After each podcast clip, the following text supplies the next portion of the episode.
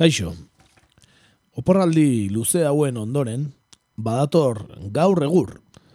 Badator eta ez edo nola. Anitzagoa, partaide gehiagorekin, formatu aldaketa batzuekin, eta ordutegi berrian. Gaurtik aurrera, astelenero, zazpietan, arratsaldeko zazpietan izango baita. Partaide gehiagorekin, izan ere gaur egurreko mailari laugarren hanka gehitu diogu, mai sendo eta zabalago bat osatuz, noiz behinkako kolaboratzaile sorta ere berritu dugu, eta ba, denon artean aktualitateari espal zorrotzak ateratzeko asmoa daukagu.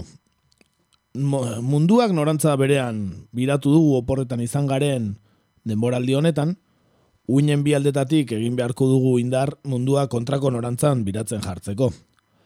Radio rajimen antzera, batzuetan amodioarekin eta bestetan gorrotoarekin guk irratsaio hau egitean bezain beste goza dezazun opa dizugu, zu gabe gu ez bai gara uinetan galtzen den haize ufa da baino.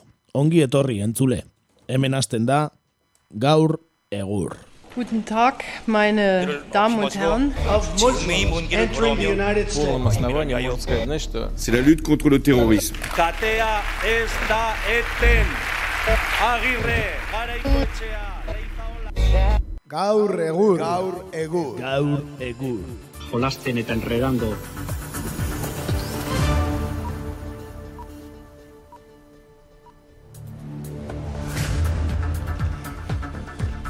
Bueno, bueno, oporraldi luzea, eh? Oporraldi luzea egin deguna, eh?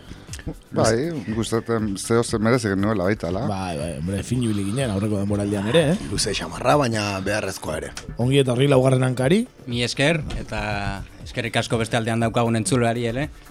hori da, hemen txe, ba, bai, ia ETB-ko eh, aurkezle izarrek baino oporraldi luzeago izan dugu, eh? Baina, bueno, behai baino lan gehiago ere egiten dugu. Hoiz esan bat nuen, baita lan gehiago egin ere. osea que- Eskumina Xabier da pitzi hemendik. E, bueno, ba, besterik gabe hasingo gara, ez? Lehenengo eta behin, ba, ba lehen egiten genuen bezalaxe, bertan gaur e, atalarekin hasiko gara.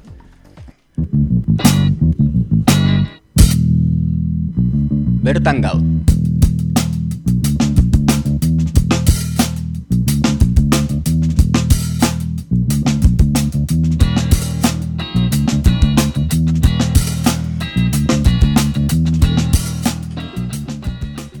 Bertan gaur arloan errauskailua izango dugu izpide.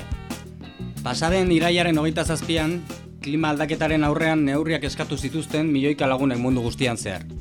Dakizuenez, protagonista nagusiak ikasleak izan ziren. Gurean ere izan zen mobilizaziorik, ikasle eta hainbat sindikaturen artean bultzada emandakoak. Besteak beste, erraustegia ezpistea eskatu zioten klimaren alde manifestatzen ari zen ingurumeneko Jose Ignacio Asensio foru diputatuari.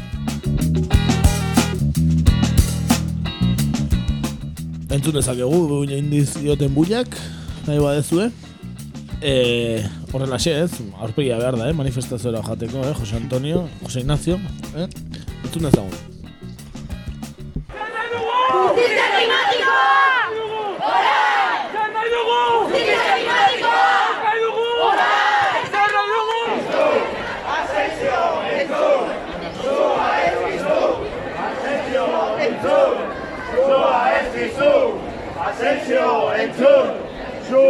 dizu! Errauzeta! Klima aldaketa! Errauzeta! Klima aldaketa! Errauzeta! Klima aldaketa! Ez, ez, ez! Errausketarik ez! Ez, ez, ez! Errausketarik ez! Ez, ez, ez! Bueno, ba, entzun dugun bezala, e, joan den iraiaren hogeita zazpian, e, klima aldaketaren aurrean neurriak eskatzeko mobilizazioak egin zituzten, Fridays for Future mugimenduak deitu eta eragilean hitzek babestu zuten ostiraleko klimaren aldeko greba eguneko manifestazioan. Gipuzkoako foru aldundiko ordezkarietako batek, Jose Ignacio Asensiok, ingu- ingurumen diputatua denak parte hartu zuen. Eta, eh, entzun dugu audiotan, ze ongi etorri egin zioten, edo ze...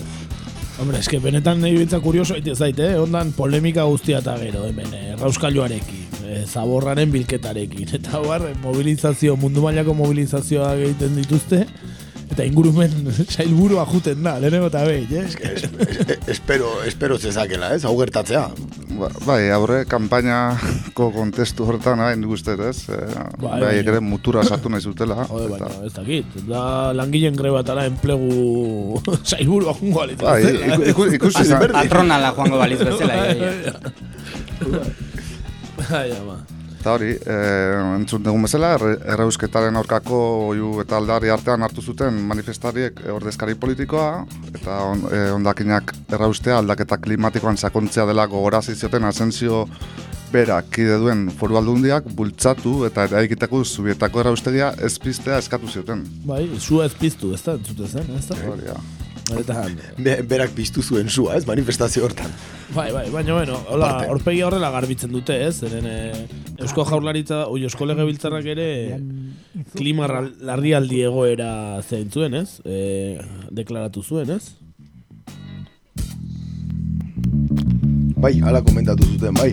E, Eusko Autonomi Erkidegoko Legebiltzarrak konpromisoa hartu zuen e, klima larrialdiari aurre egiteko ekimenak eta aurrekontuak sustatzeko premiaz jardute aldera, beraien esanetan. E, erabakia hau batez, hartu zuten talde parlamentario guztiek, e, aurreko asteko ostegunean egindako saioan, eta berotegi efektua eragiten duten gasen bilakaerari buruz, erdibideko zuzenketa adostu zuten talde guztiek. Eusko Legebiltzarrak larrialdi klimatiko egoera deklaratu zuen e, ostegun horretan gazteizen egindako osoko bilkuran. Bueno, le, parlamentu guztiak, eh? Legebiltzar guztiak onartzen du, hau batez, ez zer iruditzen zaizuen, horrelako mobilizazioak, ez dakit, ez, e, agian feminismoak ingertatzen ban bezala, ez, e, prentxan agertu denak alde, eta gero egunerokotasunean, ba, justa aurkakoa egin, ez, aurkako legeak edo, ez, ardura dituztenek aurkako legeak edo ekintzak sustatu, ez? Bai, argi dago ez, E, hor daukagu baita estatu batuetako kasuan, non, non Barack Obamak berak hartu zuen, ez, bere despatxuan edo e, Gretel... Bai, Greta Thunberg Greta? Thunberg, hori da. Neskatxo, ez, famatu hau. e, Eta nola Obamaren administrazioan iz, e, parte hartu zuten hainbat ere, nola itxatxi diren mugimendu honetara, e, eta... nola da famosoa... Bai, Algor. Algor, Algor, Algor.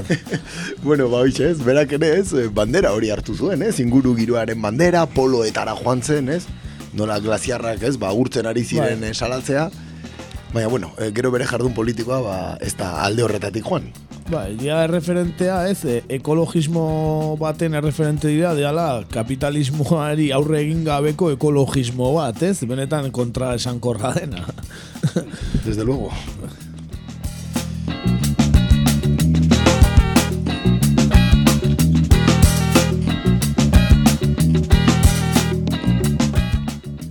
Eta bien bitartean, izen pomposoak eta osoko bilkura hauek medio, ba, gurean erraustegia dakizuenez, e, amaitze fasetan dabil, ja, probak eginez, eta, bueno, herri mugimenduen gainetik, jendearen kezken gainetik, eta batez ere alderdikeri eta interes ekonomikoi jarraik.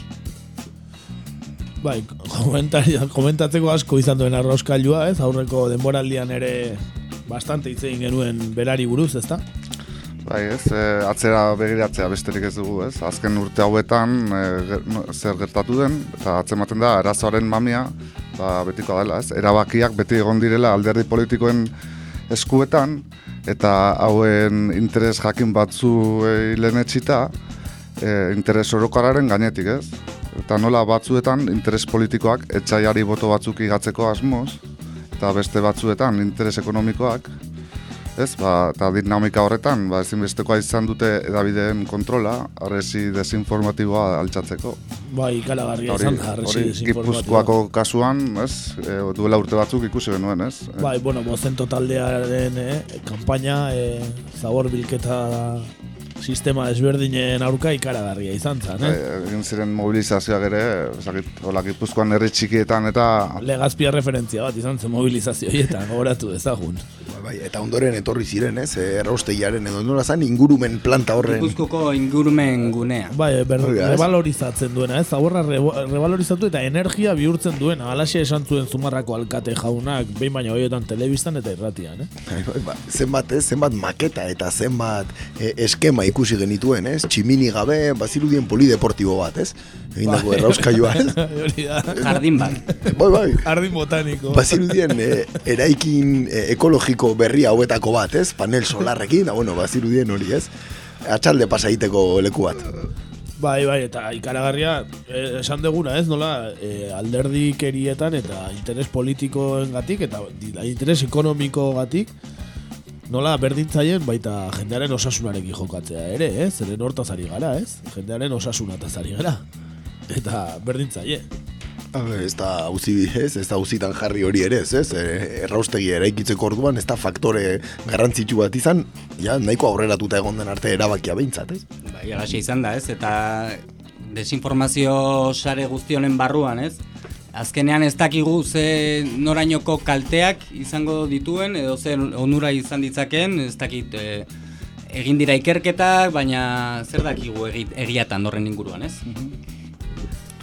Bai, ga- garbi dakiguna da, ba, e, oraintxe bertan e, munduko toki askotan, ba, errauskailuaren edo erraustegiaren aurkako ba, ekintzak eta datuak, ba, tengabe ateratzen nahi direla, ez? Bai, eta gurean ere baditugu ba, talde desberdinak, eh, horri buruz e, bateatzen duzten atxostenak eta informazioa, ez? Behintzat, eh, gizarte zibila edo herritarrak behintzat mobilizatzen direla honen kontra, ez? Eta alde batetik edo bestetik, ba, eragiten dutela eta atatzen dituztela ba, datuak eta abar, ezta?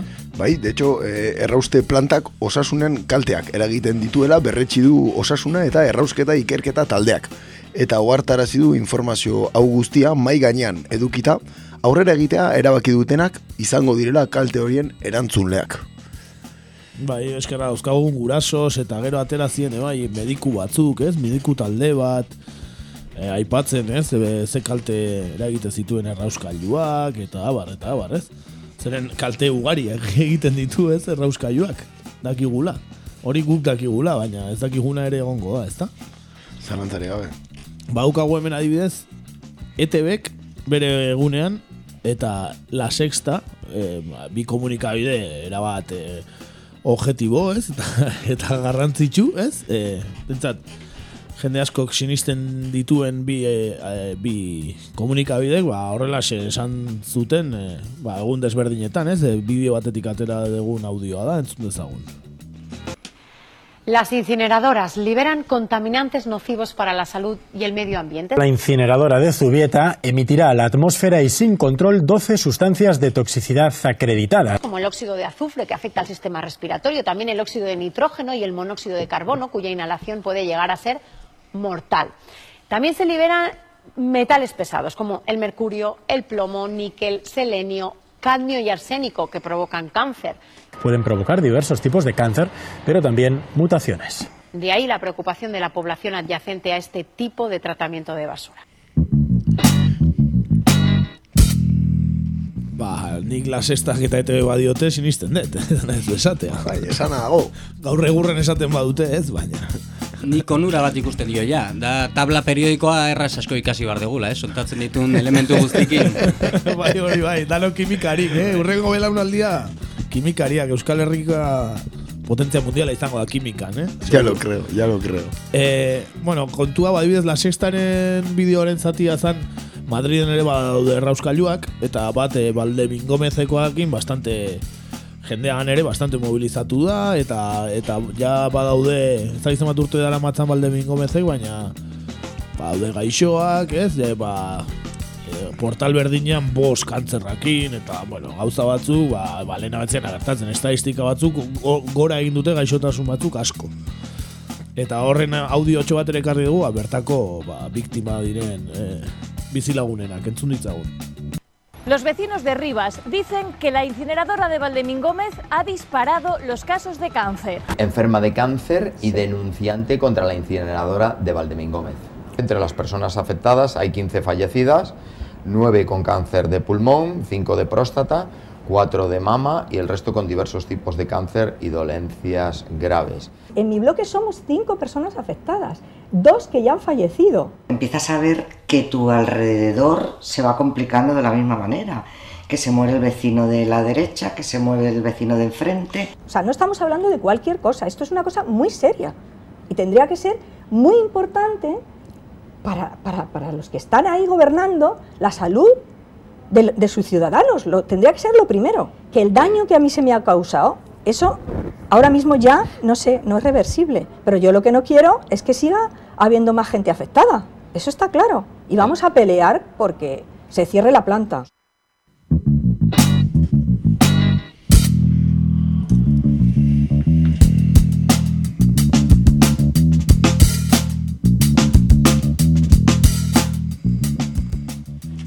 Tira, ba aurrekari hauekin gure Zabalagarbiko planta berriak ere ez dakigu nola kondoriak sortiko dituen, baina jakin badakigu espediente moduko bat edo zabaldu dela, ez? E, behar bada ez gehiegi, baina horren inguruan ze esan diezaguk ez nigo. Bai, ba, Zabalgarbi erraustegia ba, eredugarria izan da, o eredugarritzat dute batzuk, naiz eta bideratasun zifrak trampaz josita egon, ez?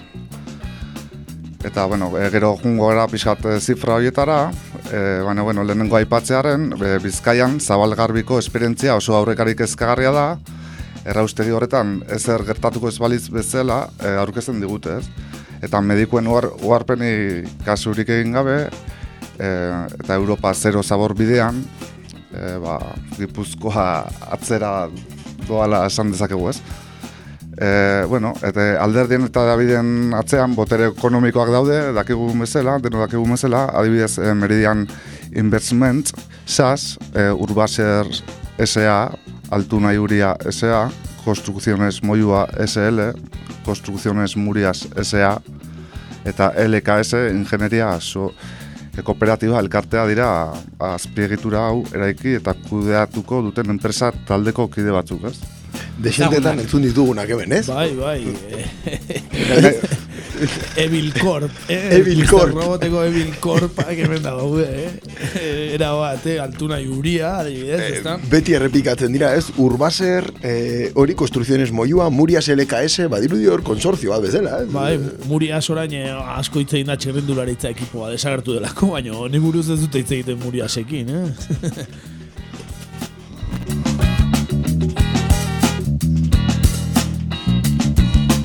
Ba, badiru hor bagola espediente bat, ez? E, argitaratzea nahi ez dana, ez da? E, datu batzuekin, ba, bizkaiako zabalo garbiri buruz, ez da? Bai, hori da, da bideratasunari buruzko datuei, buruzko trampei, ez? Dagokiena, ez? Eta, bueno, guk hor dago aldizkaritik atera dugu informazio hori, oso reportai bikaina e, atera zuten, eta bertan esaten dute, e, bueno, ba, e, diseinu berritzaile batekin, e, integratutako bueno, erraustegia izango zen, e, ziklo kombinatukoa eta euneko irugaita marreko elektrizitatea e, ateratzeko e, bueno, euneko irugaita marreko efizientzia bat e, urituko zuen ez. Eta 2008an e, Zabal Garbik, adibidez, zortzireun da berrogeita malau e, gigabatio orduko eta e, kapazidade horrekin e, gaz naturala e, balorezatzeko berrendagoita lau kilotan da ondakinekin ez. Eta, bueno, esaten zuten beraiek e, hasieran euneko irugaita mareko efizientzia izango zutela. E, hori gehiena da, efizientzia hori da gehiago e, ekonomizatzi ez. Bai, gastatzen den egor, energiatik, zenbat energia ateratzen da. Bai, no, ze, bueno, e, galesti o ze efizientzi maila dukiko duen, ez? Zadik e, kontutan eduki hor elektrizitate asko gastatzen dela, ez? Eta behiek esaten dute elektrizitate hori aina e, diru o balore ateako zutela gazean, ez? Eta, bueno, hori e, garbi ikusten da, erreportai honetan iruzurutxa dela, ez? Bai, e, berrogeian dago dela, ez? Hori da, e, Hor dago aldizkariko reportai honen arabera, efizientzia hori euneko berrogeia baino e, bajugo da. Eta, bueno, eta efizientzi maila baju hori, ba, izan bueno, a, ba, gezurra dala. Hori, gez, gezurra dala, ez? E, behaiek, ez. eh, zert, hainbat zertifikatuen bidez, ez? Ba, R bat valorizazio energetikoa eman diote hori, eta, bueno, esaten duten ez, ba, horretarako asko ere efizientzi maila altua eduki behar da, eta kasuntan ez da betetzen, ez? Eta, bueno, beraiek salduko digute, ba, izugarrizko efizientzi maila ona dukala, oso eredugarria dela ekonomikoki, o bideragarria dela ekonomikoki, naiz eta atzean, ba, zenbaki nahiko beltzak dirten, eh? Agia esan, e, errauskailu hauen kontua da, beste noiz baita esan dugu, ez? E, amak esatez zizunen e, txukundu gela, eta bagizu, dana hoi azpin sartu, eta alfombra azpin kaka gordetzea, ba, gutxu bera hori da errauskailuen sistema, ez? Bai, kaka lekuz aldatzea, ez? Bai, eta erre eta ke bihurtu, eta inorrek ez du ikusten, ez? Baina egia esan, kalteak igual igual, ez da?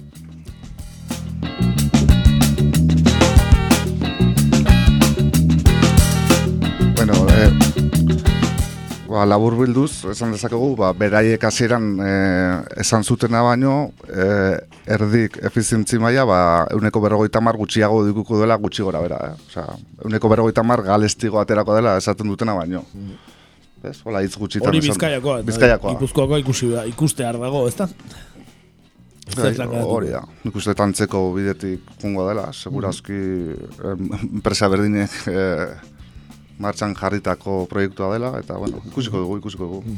Hor bago, behintzat, lehen esan de bezala, herritarrak badaude mobilizatuta, bizkaian ere badaude, ez da? Egiten Bai, dituzte bai, bai, ikerketak eta protestak eta... Bai, bai, bai, aspaldidanik dabiltza lanean, eta bueno, e, e, bueno, laginen azterketan eta, bueno, Gero, bai, laginak eta eskau dituzte Gipuzkoan, ez? Hori da, Eh, hori da. Holandako ONG bat edo, ez da? hori da. Eta, bueno, e, dakizuen bezala, bueno, ko- e, beste ben komentatu genuen bezala, e, Toxico Watch izeneko fundazio batek, e, ba hori, egin du e, laginen, bueno, proba bat egin du, e, hainbat tokitan egon dira, e, zubieta inguruko hainbat tokitan egon dira laginak hartzen, eta hainbat froga egin dituzte, ez? Eta, bueno, ba, froga horietan ikusi da, ba, nahiko datu kezkagarriak egon daitezkela, ez? Eta, bueno, pixkat komentatuko dugu nola dan laginen kontu hau. E, bueno,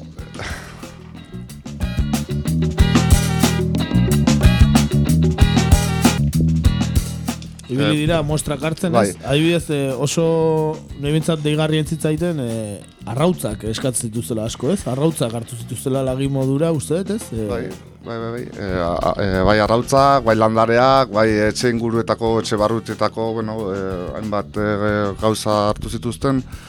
Eta, bueno, behaien helburua da, ba, e, ba, datu fidagarriak, o datu objektiboak ematea, ba, bai errausgaiaren aurretik eta errausgaioa ben jan martxan jarrita, ez, ba, ze alderak eta egongo zen, ez? Eta honen aritik, ari pixkat e, laguntza eske, Zatik, eh, dakizun bezala ONG bada, ez dauke sustentu ofizialik, ez dauke erakunden sustenturik, eta crowdfunding bidez ari dira dirua lortzen, ez? Eta gero aipatuko dugu, behaiek zer, bueno, e, beraien kontu korronte zenbakia eta hori e, edonork e, laguntzarik eman nahi badu. Bai, dauka azkenean erraustegiaren nola da? Web horria ez ez dauka hemen web horria. Bueno, zubieta lantzen. Hori, eh, zubieta lantzenen barrun bai biako genuen, eh? Bai, bai, bai. Eta, bueno, be, be, behaien helburua da, mairu mila euro lortzea, denen artean, e, ba, honekin jarraitzeko, ez? Pixal laginen kontu honekin jarraitzeko, eta es- eskatzen dute jende guztiaren, alik eta jende gehienen implikazioa, eta ea, ba, udaletxeak eta beste hainbat e, elkarte, ba, batzen diren hone, honetara, eh? Egia esan, ba, ikusita, bai Baldemin Gomezeko, ez, jendeak esaten zuena, eta, eta e, ez duela berez, ez da ere energia revalorizatzeko balio, eta gaixotasunak sortzen dituela, eta abar eta abar, ba, ba, egia esan, e, lotxagarria eta oso oso kezkagarria, ba, dauka, gure artean daukagun arazo, ez? Europa guztiko arazo badela, baina, bueno, beste toki batzuetan sa- gelditu dituzte, erraustegiak, itxi ere bai, ez? Beraz, borroka honek ere ez dauka etenik, eh? jarraitu, naiz eta zabaltzen, zabalduko duten, ba, ba jarraitu beharra dago. Duare gabe, istea badagoelako ere, ez? Beste kasu batzutan ikusi dan bezala, noski, ez? Naiz eta ja, ez? Ba, egin beharreko, ez? Gauza txar hori egin dagoen, eraikita dagoela, kasu hontan, ba, beti dagoela aukera izteko, ez? Ez da dena indako gastu publikoa, baizik eta baita ere, eta batez ere, jendearen osasuna. Ondorioak, noski. Bai, bai, eta ondorioak. Eta ez dakit entera uzaten, uste esan zutela, e, oain, oain dagoen zabortegi bakarra gipuzkoan ormaiztegi daukagu, ezta? Bai. Mutiloan, ez? E, bai, mutiloa ormaiztegi hor arte hortan, ez? E, itxi bar duten aurten, aurten urterako, edo, zer zer esan zuten Be, aurten. bere zepea jarrita zegoen, eh, uste dut?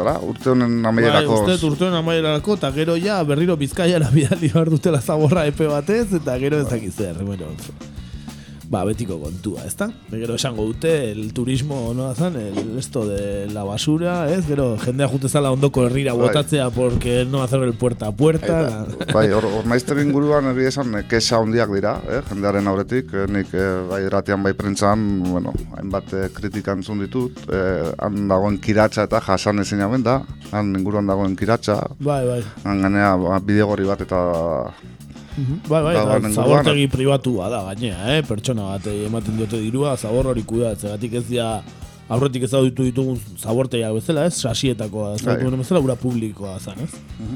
Beraz, gainea negozioa dago atzetik, eta, bueno, oso gauza zikina zaborren kontu hau, eh? Benetan zikina. Ba, ondo aderituzue, aurrera jarraituko dugu, edo zeo zer gehiago baukagu esateko erraustegiaren inguruan?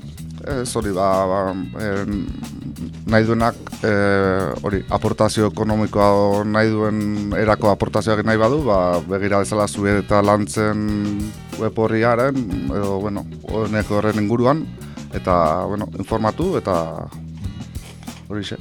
Hori da, ba, besarka handi bat zubieta eta usurbil eta inguru hartako bizilagun guztiei. Eta animo eta borrokan jarraituko dugula, ez? Gipuzkoar guztiok, eta Euskaldun guztiok, bai, Bizkaiako zabal garbi eta bai, e, zubietakoa eta danak isten saiatzeko. Hori da. Ba, nazio artean, gaur atalera pasako gara.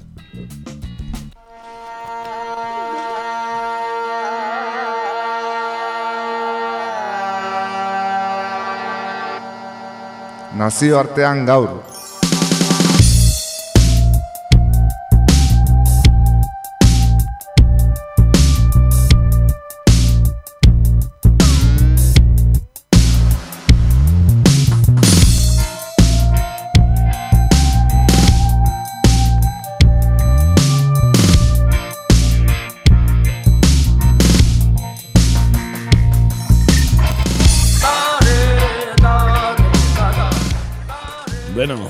Intro berri eta guzti, eh? Nazio artean gaur, Asian da Foundation da abestia eta bikaina da.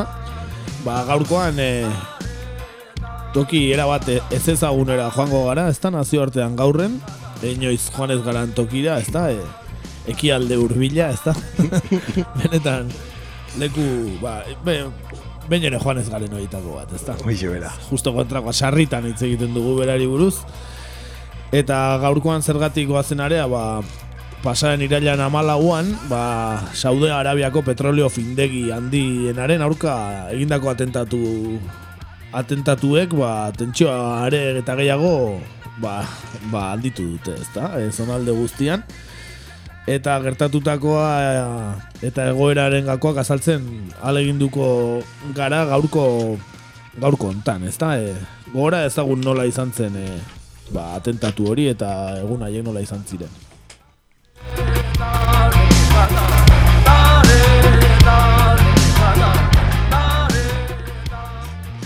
Yemengo uti matxinoek bere gain hartu zuten Saudi Arabiako bi petroleo findegiri dronekin iraiaren amalauan egindako erasoa. Jahia Sarle matxinoen bozera maileak Almasiar telebista kateari adierazi zion hamar dron bidali zituztela Saudi Aranko estatuaren petroleo enpresak apkaiken eta kuraizen dituen findegietara. Eta bartarazi zuen erasoak areagotu egingo zirela Yemengo gerra bukatzen ez bada.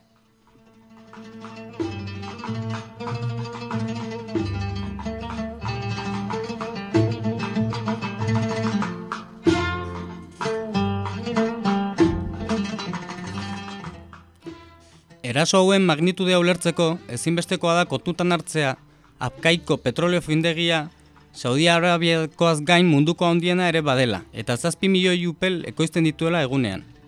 Kurasaingo findegia berriz munduko bigarrena da.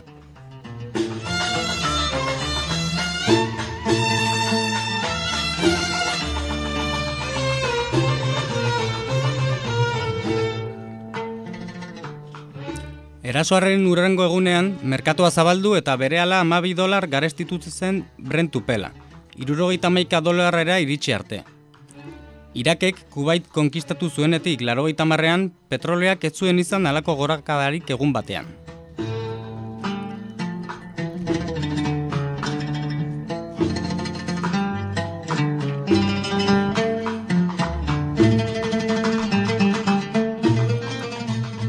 Hasieran, Saudi Aranko konpainia publikoak zabaldu zuen aste gutxi batzuren buruan normalduko zela ekoizpena. Baina epea luzatuko dela onartu behar izan zuen gero. Produkzio tenda zuten putu, putzu batzuk berriro ustiatzen hasi da Arabia Saudi. Eta baita bere erreserben zati bat merkaturatzen. Atzerriko bezeroak asko direnak ornitzeko.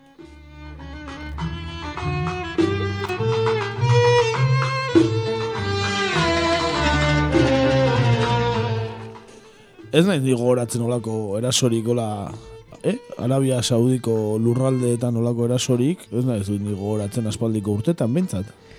Baten bat egonda, bai, aurreko bi urtetan, bi erasoain zuzen ere, bai, findegien kontra, baina askoz magnitude txikiagokoak, eh? Ba, bai, horrelako tamainokoa, ez, eh? Ez, ez, sekula, hau gauza inedito bat eta zari, eh? Dronekin gaine, eh? Dronekin, bai, dronekin indako erasoak izan die, eta eta bueno, e, izandako ondorioak ba, ba aspalditik gogoratzen diren handienak, ez? Petrolioaren industrian, bai, mundu mailan.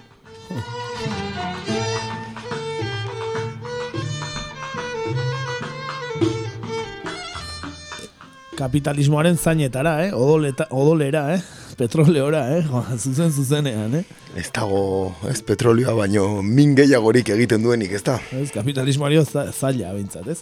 Baina zein dira, ba, e, erasoa burutu duten uti, uti hauek, zein, zein dira, ba? Ba, uti hauek dira, e, bueno, talde gerrillero bat, bai, bere, bere garaian izandakoak dira, eta dira konfesio txiitako talde bat, bai? Deno dakigunez, islama bi adarretan banatzen da, bi adar nagusietan, suniak eta txiitak hauek txiita aldekoak dira, bai? Eta Arabia Saudikoak sunia, suniak dira. Hori da, areta gehiago, sunitak eta wahabitak. Wahabitak. Eh, islamaren edo batez ere alderdi sunitaren, eh, ba bueno, ekstremiste hori da, bai, fundamentalistenak, bai? Mm Ordu nuti hauek, eh, esan bezala txiitak dira, kontutan euki bar dugu oso importantea da, Yemeneko biztanleriaren eren bat konfesio txiitakoa dela, bai? Eta e, hauek larogeita margarren amarkadan sortu ziren, precisamente Saudi Arabiak daukan teoria wahabitaren aurka borrokatzeko. Bai? Hoxe izan zen beraien sorreraren funtsa. E, momentu hontan, gerran daude gobernuarekin, e, 2000 eta amalaugarren urtean izan dako e, estatu kolpetik, Eta, ba, bueno, biztanleri txitaren, eh, eren horren sostengu handia, eh, bere ganatu dute, batez ere, eh, bere garaian Ali Abdala sale, jemengo presidentearen aurka eh, egindako ekintzegatik. Bai?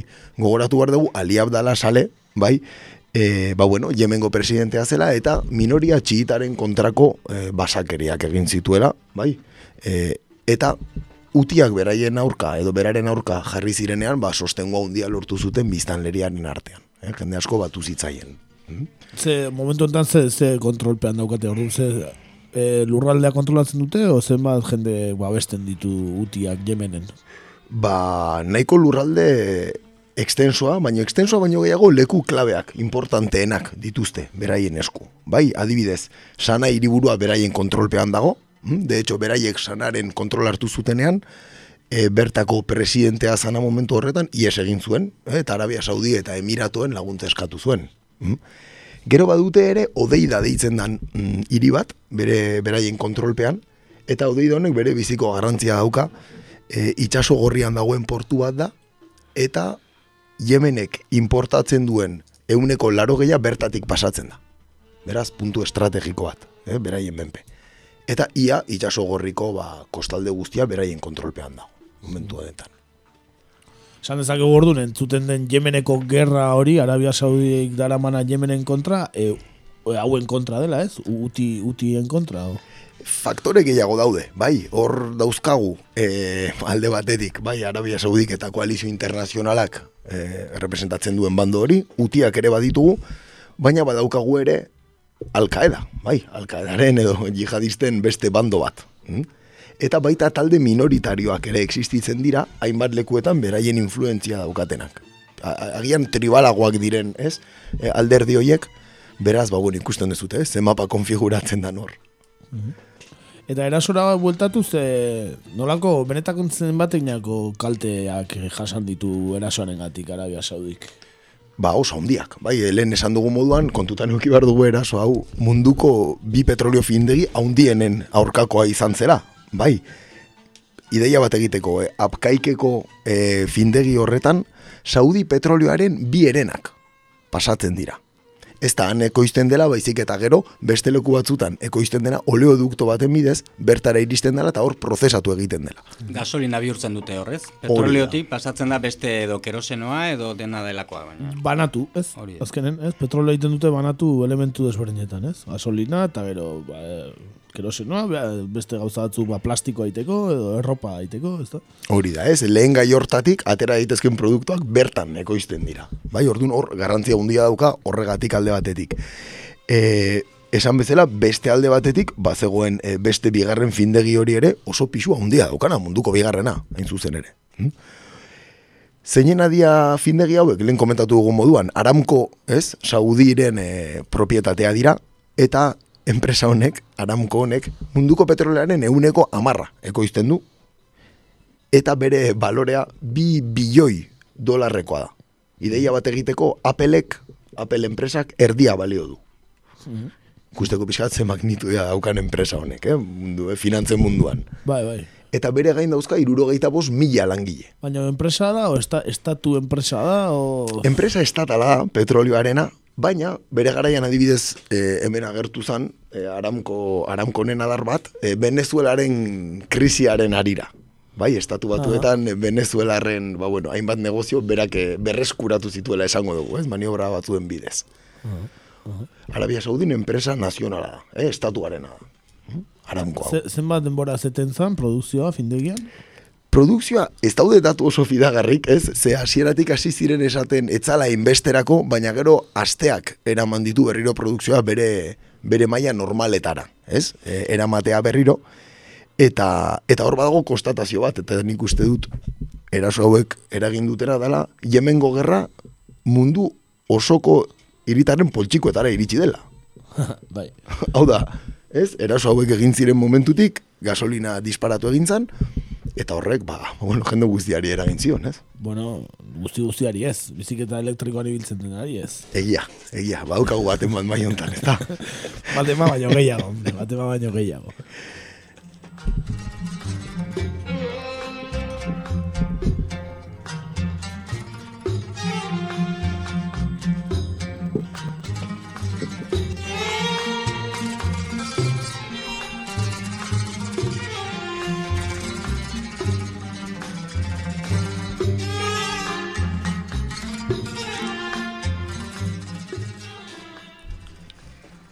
Eta ze ondorio izan dezakete eraso hauek? E, ja berez normalean beroa den zonalde honetan? Eta ez klimatikoki bakarrik, ez? Ez, hori da, ez klimatikoki bakarrik. Baita ere, baina ez bakarrik, ez da. Hombre, ba, ba erasoaren tamainak ondorioak, esango nuke.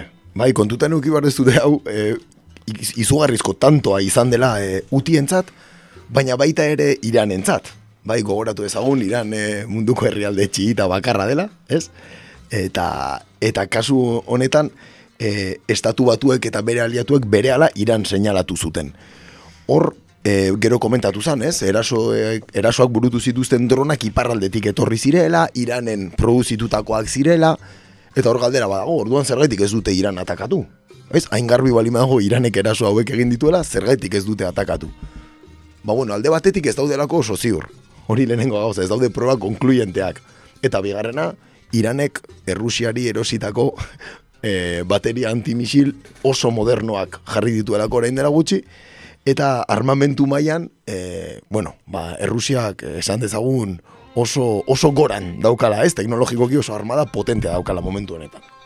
Bai, eta Iran eta Rusia baliatua direla, ez? Eta, eta Iran ez dela edozein, eh? Iranek ejertzito handia dauka. Tia, eta defentsa eskudo, e, bueno, oso, oso potentea momentu honetan, Bai. herrialde gutxik daukatena. Ondo ornitutako herrialdea ala. Hoixe bera. Zo zergatik dago, ez, gaizkiaren ardatzean dala beste urtetatik, ez? Zo zer izango du bere defentsarako bestela aspaldi sartuko ziren bertan. Dudari gabe, ez? Eta askotan badiru oso argi dagoela, Iranek egin du hau. Bai, bai, Iranek egin du hau, baina inork ez du Iran atakatzen, ez? Hain garbi egon da, ez? Bai, netan, netan jahuk, ez, eskatu zuen zuzenean e, irani erasotzea, baina, bueno, e, gero ze- zeitu nostu zen, ez, eskaera hori, baina kan, bere kanpaina barruan ere gertatu zen, eta, ez, Bai, kanpainan bertan gertatu zen hori da. Israelgo kanpainan bertan ez da? bai, eta, bueno. Ez da bakarrik nahi izatea, baizik eta al izatea ere, ez? Bai, bueno, nik ustenetan ja goizero jaikitzen dela esaten, Iran bombardatu behar da. Bueno. Edo gaza okupatu. Bita- Edo biak batera. Bia batea. eta xabat egunetan tranbiek ez dute zirkulatuko, ez? Horrelako, bueno, en fin, ez? Eta munduak ze, ze, ze posizio hartu du e, e, eraso honekin. Ba, kasu honetan munduak aurretik ja posizio hartuta zeukan. Bai, hori egia. Hau da, ez? Gogora ezagun Arabia Saudin koalizio internazionalak e, Yemengo gerra hasi zenetik e, ba bueno, Saudi Arabiako hegoaldean e, ba bueno, mando militarreko zentro taktiko bat daukala. Zer da zentro taktiko bat? Ba bertan, estatu batuek, Frantziak, Alemaniak, Espainiak ere, baita Kanadak edo erresuma batuak, laguntza taktikorako militarrak bidali zituzten. Ara, Sau- Saudi Arabia gerra honetan e, aholkatzeko, esango dugu. Bai? Hortaz aparte badaude beste hainbat herrialde eta hau ez da oso jakina, ez, behintzat e, mendebaldean, laguntza militarra eman diotena e, Saudi Arabiari Yemengo gerran. Adibidez Kuwait, Qatar, Bahreinek, Egiptok, edo beste adibide bat, Senegalek adibidez, Senegalek, 2000 eta irureun soldadu bidali ditu Yemengo gerrara. Ideia bat egiteko, edo Sudanek 6.000 soldadu bidali ditu. Ba, zeren truk. Zeren truk, ba, pentsatzen dut, hor dauden interes geoestrategikoen onuraren bat jasoko dutelakoan, ez? Eta gero badaude ere e, emiratuek, beraien militarrak bidali zituen, baina erretiratu egin dituzte. Ba, irudi koste handia eragiten ziela, eta gerratik atera egin dira. Hori aurretik ja hartuta zeren posizioen ingurun. Zein da momentuko posizioa? Ba, adibidez, e, Mark Espar, Pentagonoko buruak, bai, pasaren astean e, argitu zuen estatu batuek Saudi Arabiara tropak eta defentsa aeroak bidaliko dituztera ofizialki esan dezagun. Ez? Hori alde batetik. Eta gero gogoratu behar dugu, e, Trumpek itun nuklearra utzi duela, Iranekin sinatutako itun nuklearra utzi egin duela. Beraz horrek egoerari bestio mesede askorik egin. Mm. Santzio gehiago ezarri dizkio irani eta hori ba, giroa desente gaiztotzen ari da. Eh? Dena bere kontestuan kokatu garra dago. Eta gero dago Europar batasuna. Europar batasunak ze paper lauka hontan? Ba, paper patetiko bat, ze erasuen ondoren beraien kezka izan zen, Europa batasuna ez dela autosuficientea, denok suposatzen dugun moduan, eta bere petroleo erreserbak iruro gehi egunerako bakarrik ematen ziotela. Beraz, eh, opa zutela lehen bailen martxan jartzea findegiak petroleo berriro Europara iristeko. Iz izan zen Europar batasunaren posizionamendua. Así que bi hilabetera onga, kaosetik bi hilabetera onga, ez? Eh? Bi hilabeten kaosa, Europan. Kausa, No, kausa. lehenago, lehenago, ez? Etzukaten gehiagorako. Eta gero lehen esan dakoa, gehitzen zaio, e, alkaedaren faktorea. Bai, peninsula arabigako alkaeda beti izan da alkaedaren barruan agian talde potenteena. Hor ezagun nahi bez, iraian amaikako atentatuen inguruko, ez, kide gehienak bertatik ateratakoak ziela.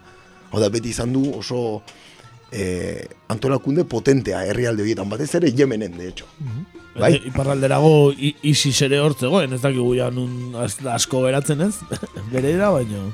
baina baita ere bere papera, bere beraien papera zuten, bazeren talde batzuk e, isisi ba, beraien adesioa emandakoa Yemenen hasiera batean, ez? Eta e, bertako ekialde hurbileko jendarme den Israelen papela zein zein da momentu hauetan?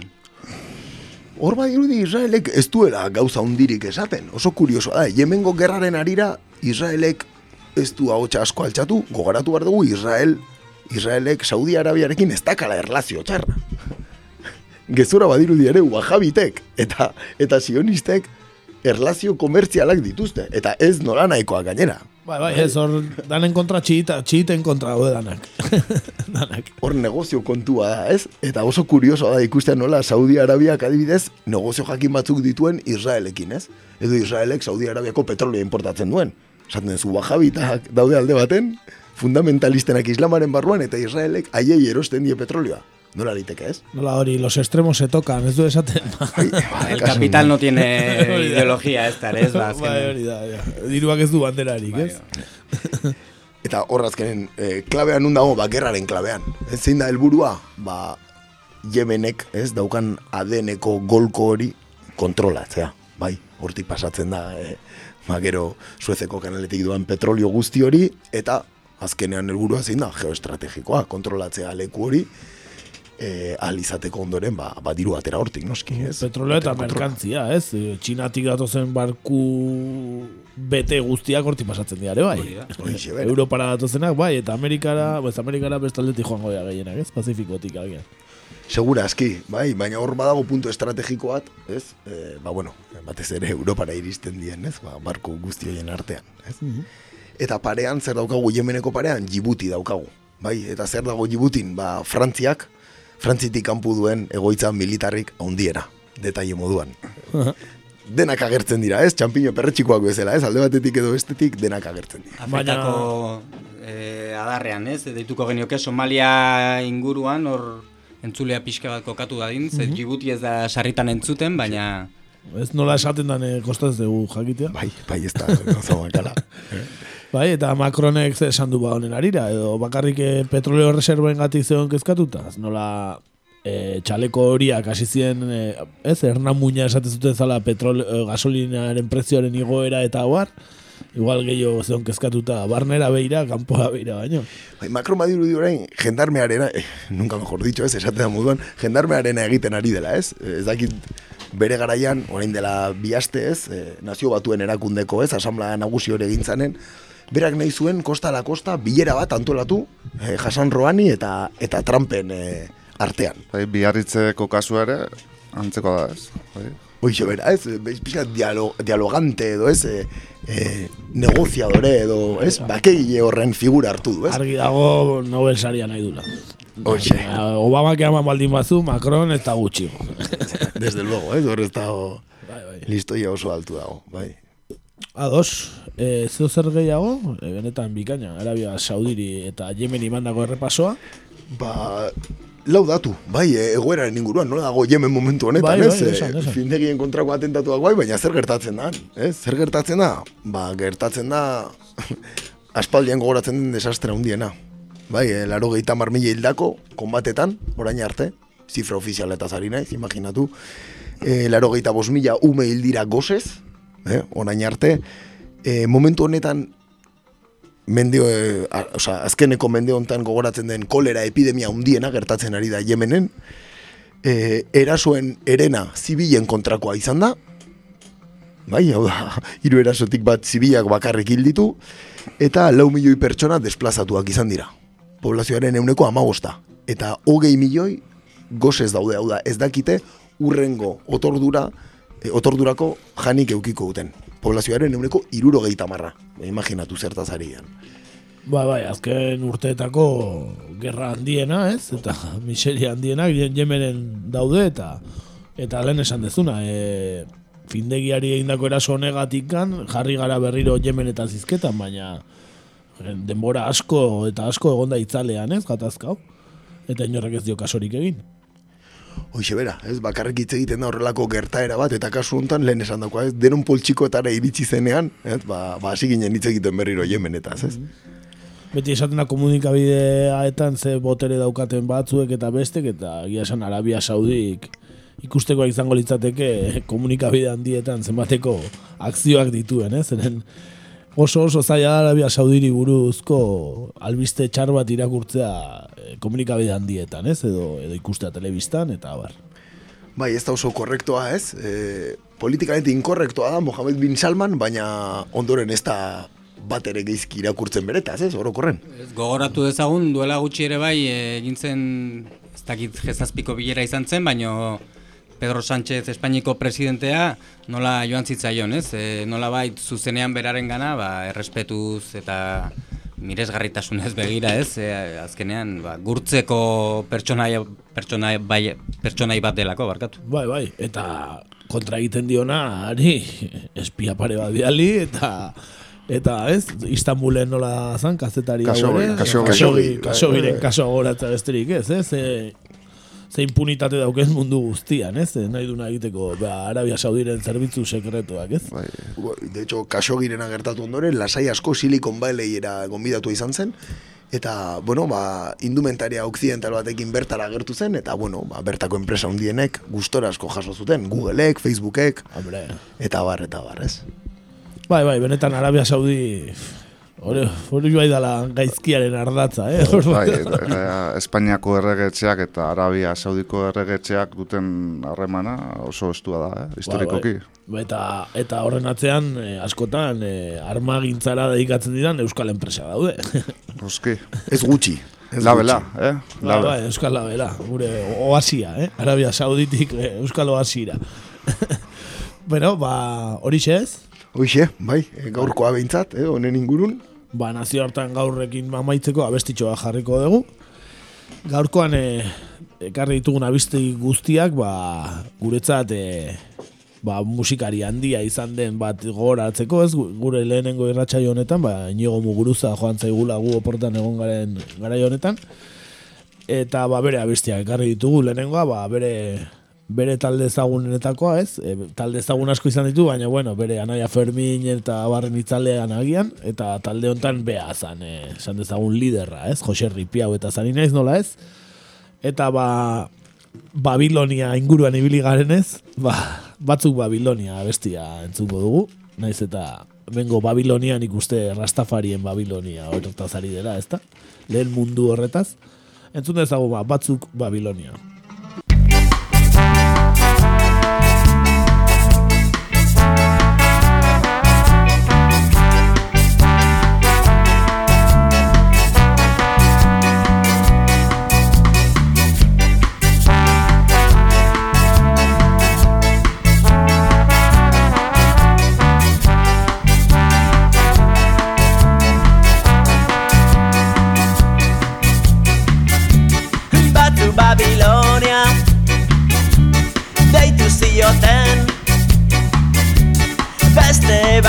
Batzuk ordea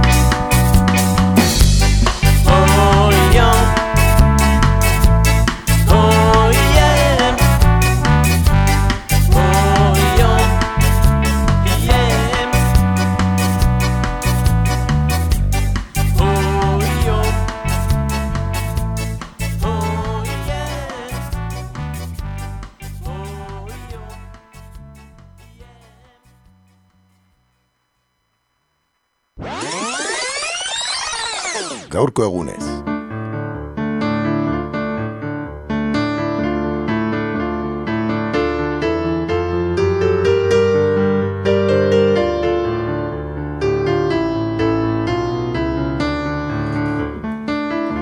Beno, atal berria daukagu gaurko egunez, lehenago efemeridei egiten genien errepasu, eta orain efemeride bakar bati, ez? Bestela, hoi, iez, iezko efemeride berdinak errepikatuko genituzke, orduan ba, bat hartu eta pixka sagontxoago ba, analizatzeko parada hartu dugu atal berri honekin.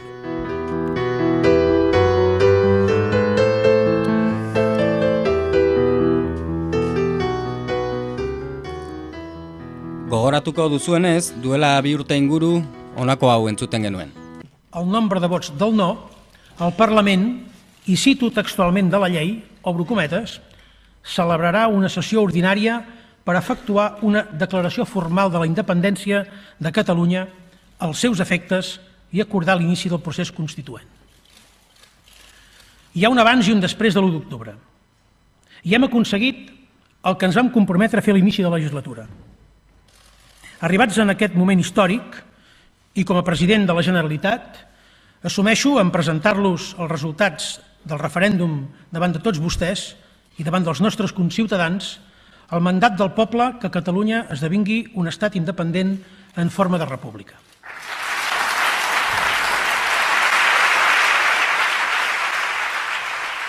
Ba, erreferendumaren eta ondoren etorri zen independentzia deklarazio dakizuenez deskafeinatuaren urtemuga iritsi zaigu.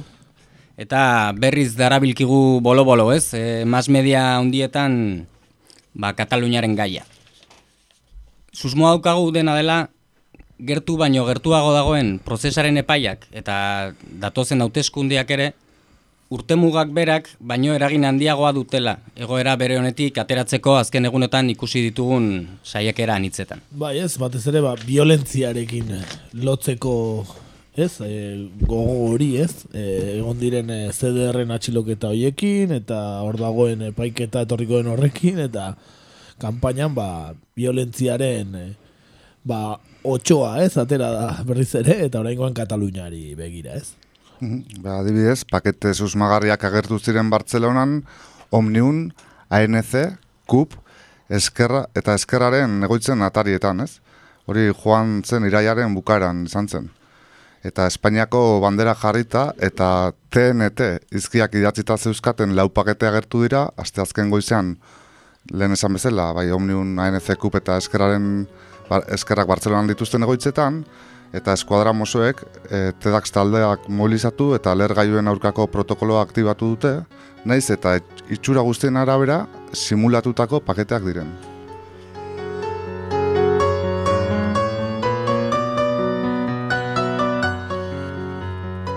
Violentzia eta hitz egiten dute, baina honetaz e, jende gutxik hitz egin du, ez? Pakete susmagarri hau eta zertan ez dago atxiloturik, ez... E, ez titularrik, ez... Ez komandorik, ez ez zer, ez da? Ez galen susmorik, eh? Jakizu zer dago, no Urtemuga edo urte urren batek dakizuenez, e, inoiz bizi izandako egoera bat bizi berritzea du helburu edo ura oroitaraztea bederen. Hala, urte hurren guztiek badute bere esentzian historia errepikatzearen zentzua. Ez dakigu efemeride honek bultzatuta edo iraganareneko nostalgia eta txikimendu parega bat batek ziurraskok denok deiabu moduko bat sentitu duzuela. Espainiar estatuko bozgorailu honek berrartu duten bidea ikusit. Eta zein hartu duten bide hori? Pues que hay que condenar. No, hay que condenar. Sorpresa. Condene usted la violencia, eh, Betty. Condenar, condenar. Entzun dezagun Pedro Sánchez. Ha sido total. Su naufragio ha sido absoluto. Pero aún están a tiempo de evitar mayores errores. Yo pido desde aquí que condenen cualquier tipo de violencia que venga de algún grupúsculo del movimiento independentista. De la policía, ¿no, eh?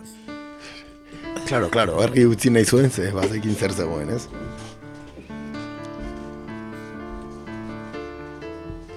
Ba, historia bitan errepikatzen zela zioen Marxek, baina nabardura batekin. lehenengo tragedia moduan eta ondoren berriz fartxa bezala. Ez dakit zuek, baina violentzia kondenatzearen mantra, behin eta berriz entzuten ari garen uneotan, nik behintzat ezin dut ekidin sentsazioa guzti hau fartxa hutsa dela. Antzerki merke bat, eta gertakariekin bezala, pertsonaiekin ere horrelako zerbait gertatzen dela. Lehen Felipe tragikotik, oraingo Pedro farsantera. Beretan bigai, bai.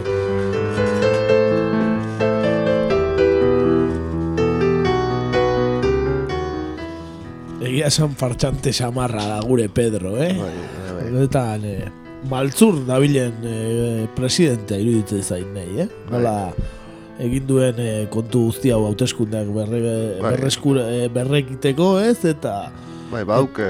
eta ba, nola torren eh, epaia, ez, prozeseko epaia etorriko da kanpainan bertan, eta ez dakit, oso farsantea, baino bastante maltzur ikusten dut, eh? Bai, bai, ala da, ez? E, badauke pixka, ez tolda usaina guzti honegala. Bai, ez? Eta ez, dakit, eh, gal berri baten usaina ez dute digun hartzen guzti honi. Eta akaso lortu dute haien helburuetakoren bat, bai, eta bada ere violentziaren mantra horren inguruan ere, ba, independentista jakin batzuen diskurtsoa ere bideratzea, ez? Gaur adibidez, Joan Tardaren elkarrizketa batean, bai, irakurri izan dugu, Kataluniako independentziaren aldeko borroka pazifikoa dela, baina zazpi zorok beste bide bat hartzen badute, atxilotuak eta epaituak izan daitezela. Horrela esan du elkarrizketa Bai, batean bai. eskerrako diputatuak. Ba, irudi CDR hoiek atxilotu iztutela, ja saldu dituztela independentistek, eh? Hoxe. Eh, eh, independentistako batzuk. eskerrakoak behintzat? Eskerra Eh, republikanak, bai, bai. Hala ematen du, eh? Atzo ere Gabriel Rufian egotzen lasektan, bakizu hola juten diala herritarrak eh, galderak eitea ba, horre hontzan, zatitxo bat ikusi nun, eta lehenengo beste da, Ana Pastor, eh? El, elkarrizketak egin da hitz egiten uzten ez duen hori, hori bera. Ba, horre hasi zan, esaten, eh, haibitz esan zuen, eh, violentzia erabiltzea okurritu zaion edozein preso ez dela preso politikoa, esan zuen atzo. Gabriel Rufianek, benetan eh, historiarako esaldia, eh? Bai, eta historia gutxi ezagitzen duen baten esaldia ere badela Bai, esan bai. liteke. Gero, gero Nelson Mandelaren urte hurrenean eh, jarriko dutxioren bat esan ez eh, idolo bat zela. Zalantzarik ez izan. Beretan kuriosoa gizitzaian, eh? Violentzia erabili edo erabiltzea auspotu edo edo babesa eman dion edo zein preso ez dala preso politikoa esan zuen atzo.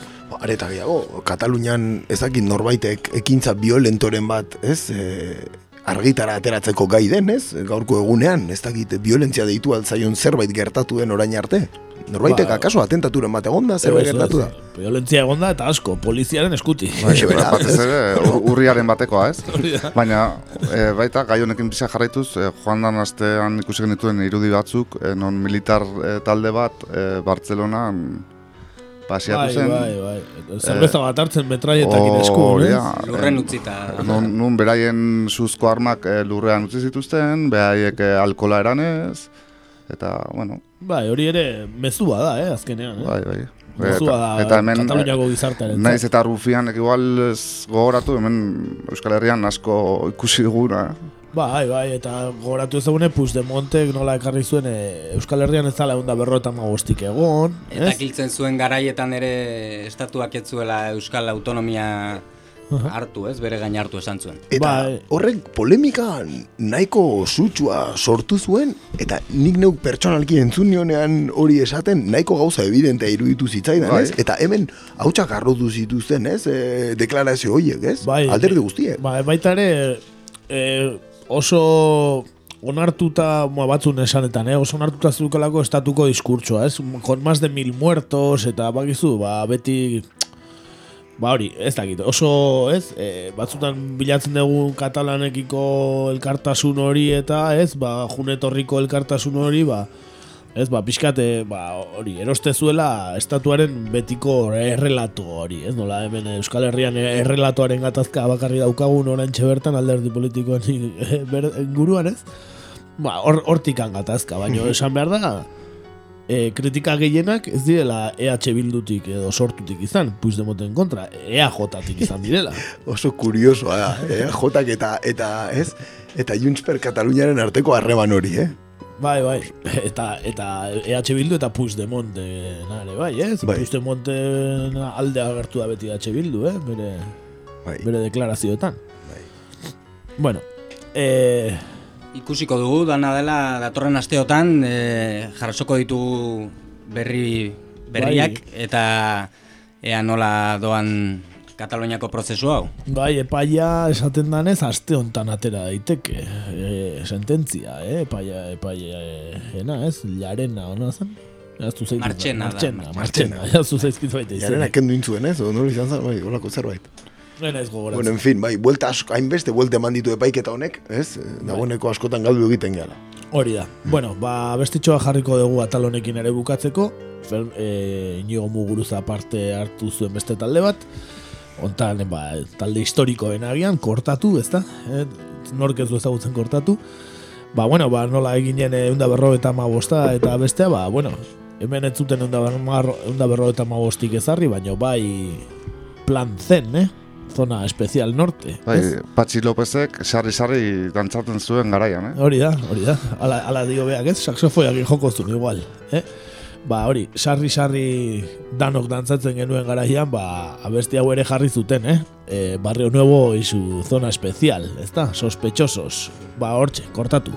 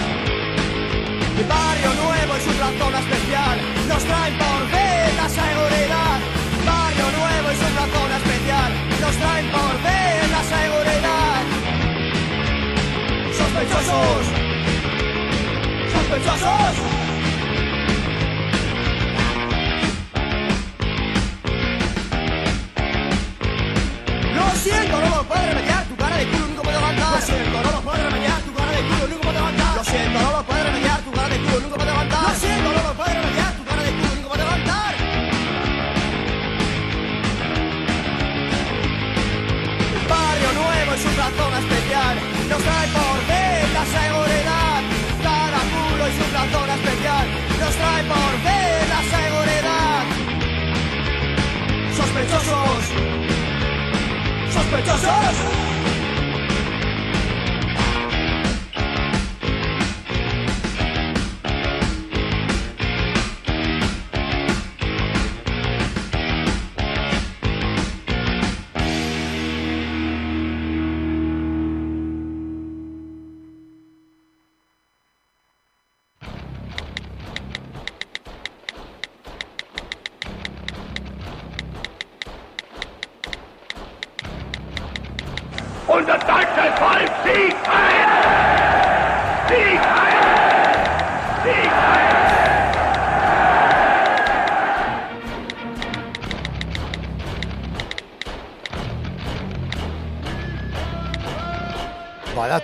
Badatoz SSA.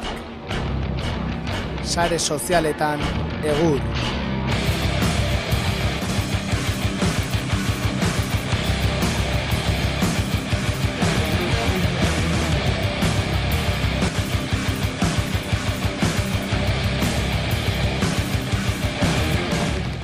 Beno, sare sozialei ekingo diegu eta gaur eh, ekarri dugun gaiari heldu aurretik, ba aspaldia ja aztuta geneukan kontu bat egin behar dugu, dala Twitterren galdera zabaldu.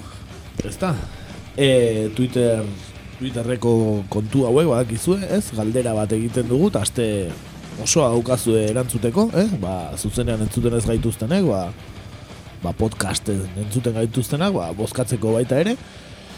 E, ez dakit konturatu zeaten, o enteratu zeaten, kampainan gaudela, hauteskundea gaude, Espainian, eh? Ez dakit, ez, igual ez zaten enterau.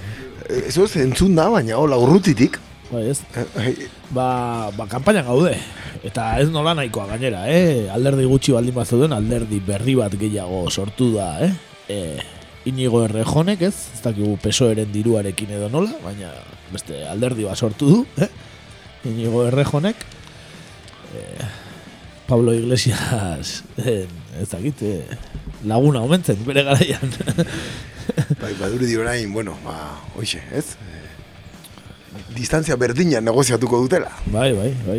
Ez dakit, inigo deitzen da, baina Judas deitzea ote da, eh, ez dakit, Unidas Podemosen inguruan behintzet, eh? Moriarty ere deitzen diote batzuek. bai, ez da.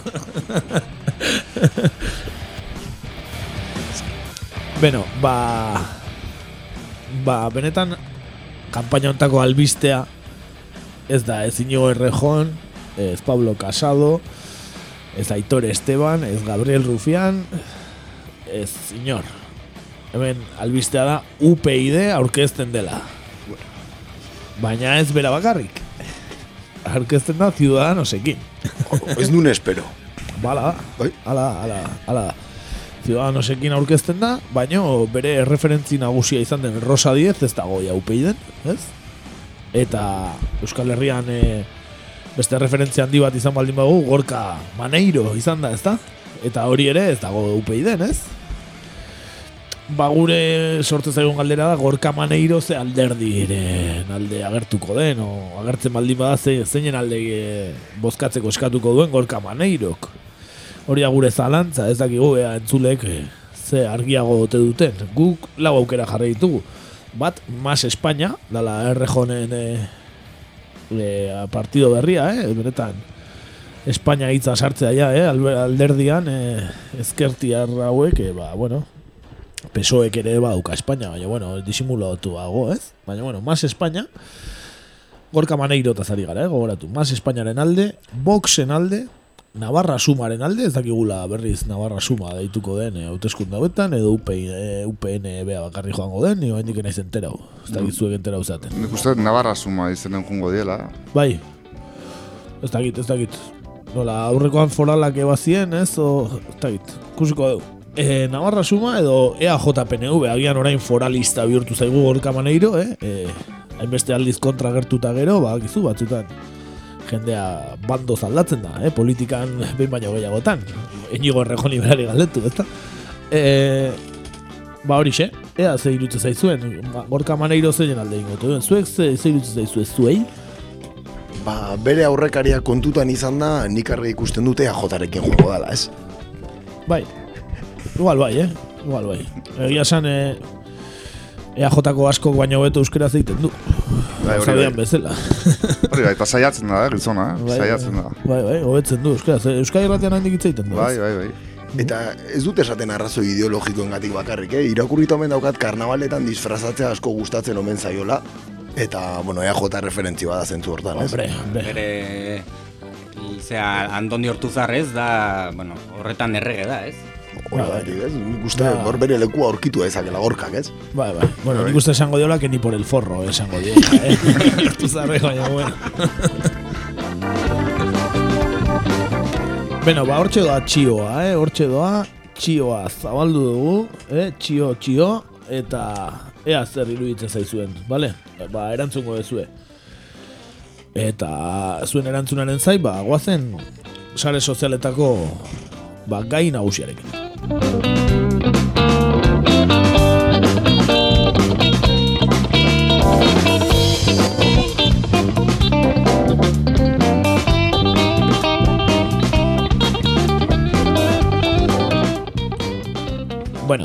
gai nagusi bakarra daukagu eta hori da Winston birakatxa.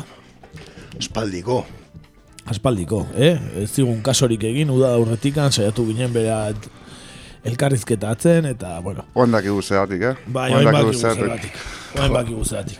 Kontua da, lehenik eta behin, ba, berak segiduela lanean, eh? Lanean jarraitu du. bueno, bueno, bueno. Winston.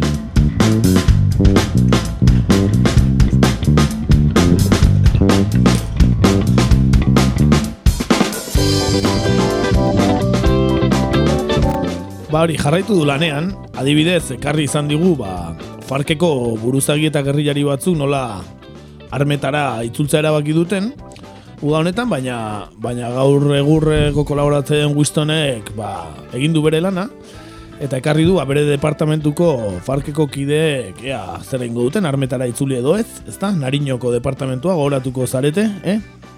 Eta Wistonek ba, beti bezain prestu, ba, erropertai bikaina egin digu, eta entzun dezagun ba, e, ea bere departamentuko nariñoko farkeko kide hoiak armetara itzuliko diren edo ez.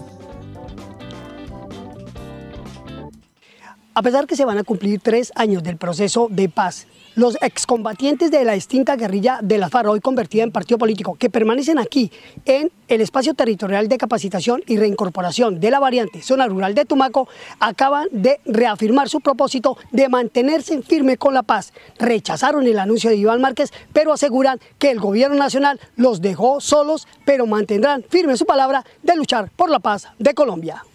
La situación de ellos, pues prácticamente ellos les quedaban dos opciones. Morir en la cárcel o, o- o coger el, el monte prácticamente porque la situación jurídica para ellos pues tampoco era que estuviera en buenas condiciones. Con estas lapidarias frases, Jairo, un excombatiente con más de 20 años de experiencia en las FARC, aseguró que no ha pensado rearmarse a pesar del incumplimiento del gobierno nacional y dijo que como presidente del espacio territorial de capacitación y reincorporación de la variante en zona rural de Tumaco, sí le preocupa la situación de su familia y de las demás de 180 personas que están en este lugar. La verdad es que pues el compromiso de nosotros ha sido muy, muy fuerte. De que vinimos acá pues hemos estado demostrando de firmeza de que sí queremos la paz, pero pues vemos muy complicado y muy lejos todavía porque pues todavía no tenemos todas las, no suplimos los- las necesidades como debe ser. Como él, otros excombatientes no escondieron su enojo y afirmaron que mantienen la palabra de seguir luchando por la paz y rechazaron el anuncio de Iván Márquez de rearmarse. Claro, lo rechazamos porque no estamos en un proceso de paz. Pero si el gobierno nos cumple y si no nos cumple, mira cómo estamos, que no nos han mandado comida, nos pagan cuando quieren, mandan el arroz vacío, pasta. Pues en una parte por el cumplimiento del gobierno tienen la razón, porque el gobierno no está cumpliendo como es debido. Ahí fue, cambio fuera. Aquí, en la zona rural de Tumaco, en la costa del Pacífico nariñense, los excombatientes y sus familias siguen esperando pacientemente a que se cumplan con los proyectos productivos, pues este, que iba a ser un gran supermercado, hoy es solo un monumento a la desidia y el abandono. En el espacio territorial de capacitación y reincorporación de la variante, en la zona rural de Tumaco, costa pacífica nariñense, Winston Viracachapaba, Noticias RPTV. Winston Birakatxapaba. Nola, ez, zea handia, eh? Benetan erreportai bikaina, egia esan eh, baten batetan mikrofonoa ez dakite galdu egin zuen, edo lapurtu egin zioten, eh, bere garaian eh, ekipo de reporteria osoa bezala. Baina, bueno, bestela, benetan, eh, izugarrizko perla bidali diguna, eh, Winstonek. Berriro ere lan bikaina beti bezala, eh? seriotasunarekin egindakoa eta zintzotasunez. Hau zen e, testigantza modura bizirik jarraitzen duela Wistonek, eh? jakin dezazuen bizirik jarraitzen duela, baina zergatikan ez duen gurekin kontaktatzen, ba, kontua da Winston mehatxatua izan dela. Mehatxatua, bai, ondo entzun dezu, mehatxatua izan da, bai, gure kolaboratzailea den Winston birakatxa paua, ba, legezkan poko talde paramilitar batek mehatxatu du, e, Agilas Negras izeneko talde bat da, eta ba, Nariñoko departamentuko kazetarien gremioa ba ez dago bat ere lasai gertatutakoarekin, izan ere ba, e, bideo batzuetan ikusten denez eta jendearen e, testigo, ez, ba, testimonio diotenez, ba, teniseko polo txuri bat eta praka jin ala dio notiziak jantzirik zioan gizonezko batek komunikabide desberdinen eraikuntzetan sartu eta plastikozko poltsa bat buruan zuela e, mehatxuz beteriko esku horri bat utzi, ut- esku horriak utzi ditu bertan, ba, kazetari batzuen izenean, ezta? Eta horien artean dago gure Winston maitea. Benetan, e, kontu iluna eta zikina, eh? E, esku horriak onela, onela dio adibidez. Como se ha reiterado en muchos municipios del país, el Comando Central de las Águilas Negras hemos declarado como objetivo militar aquellos que camuflan su ejercicio de comunicadores haciendo campaña para ganar adeptos o en otros casos votos. Periodistas de grandes medios y sus colaboradores también serán visitados, así como lo hicimos con quienes se creen muy izquierdosos. Ustedes son nuestro objetivo, Francisco Terán, Lucy Saldaña, Paulo Baz, Winston Viracachá, gure corresponsala, Eduardo Botina, Natalia Cabrera, Luis Murillo, Miguel Ángel Villarreal y Lorena Caicedo. Bueno, benetan e, kontu latza hau, eh? eh? Kazetariak mehatxatzen, eh? Agilas negras izeneko hauek eta tartean gure korrespontxala. Benetan, babes osoa gure irratsaio eta irrati osoaren izenean, eta oraindik gauza gehiago ere esaten zituen e, testuak, ezta? Bai, muchos guerrilleros y ultraderechistas que pagan para este tipo de publicaciones de estos miserables periodistas saben que desaparecerán, porque, como lo hemos manifestado en diferentes comunicados, la guerrilla no puede tomarse el país. Ya hemos demostrado a esos candidatos periodistas y supuestos líderes sociales que los estamos exterminando y vamos a nivel de las capitales y distritos a eliminar a estos ampones detrás de los micrófonos.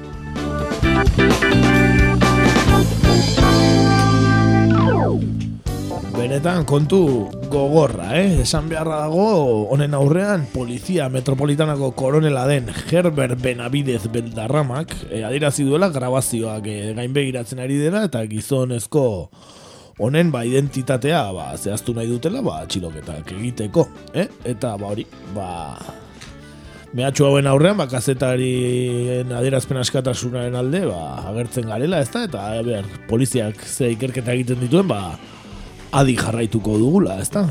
Gure kide den Winston eta beste kazetarien, e, ba, bizitza asko baloratzen dugu irratsaio hontan. Bai, neko egoera zaian, aurkitzen da Winston, eta ez da lehenengo aldia, ez? Beti leku guztietatik jasotzen du, baina badirudi honetan e, etxeko kontua dela, eta eta orain arte entzundako kontu beltzena ala, ez bere inguruan. Bai, bai. Ez daka honek.